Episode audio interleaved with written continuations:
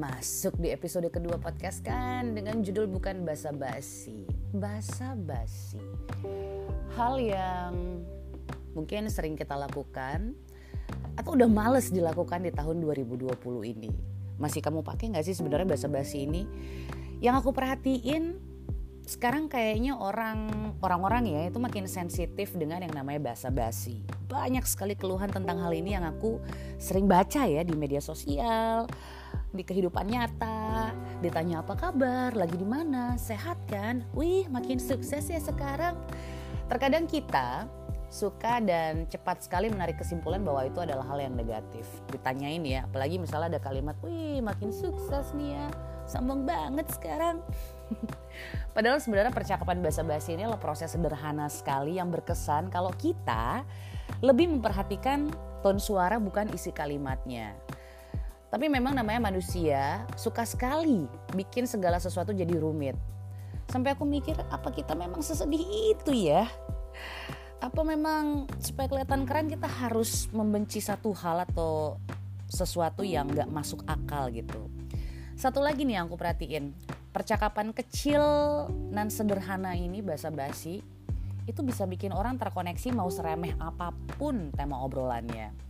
Kalau kamu sakit hati mungkin dengan pertanyaan basa-basi, kapan lulus, kapan punya pacar, kapan nikah, kapan punya anak, kapan ini, kapan itu. Aduh, memang capek, gak bisa dihindarin. Ya, makanya kadang jawabannya kayak, langsung aja straightforward gitu. Tapi kalau misalnya kamu tipikal orang yang suka nanyain hal kayak begini, mungkin bisa ya kita ganti pertanyaannya menjadi waktu kecil suka main keong nggak?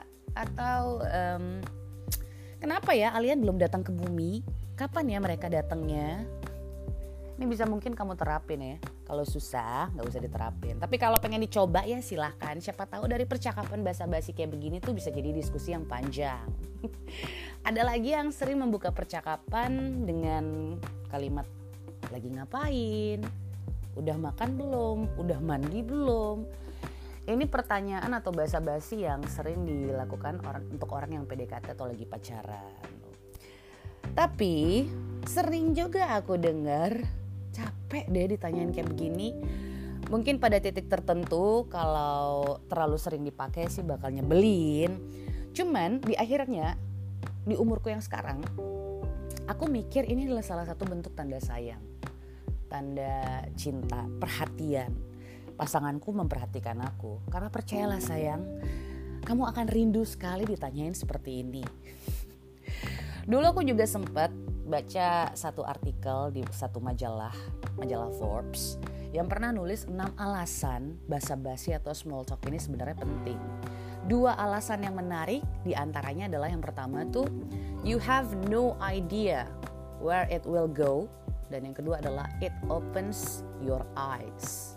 Small talk atau basa-basi ini bisa menjadi sebuah cara kamu untuk membuka jendela kesempatan baru yang kamu inginkan bahkan kamu impikan sebuah interaksi sederhana. Yang jadi pertanyaanku adalah, kenapa ya sekarang tuh sulit sekali diterapkan? Apakah memang manusia-manusia sekarang tuh menganggap percakapan bukanlah suatu kebutuhan, tapi jadi sarana doang untuk dapetin tujuan dan keinginan? Semakin sedikit rasanya orang yang bisa diajak ngobrol untuk sekedar ngobrol.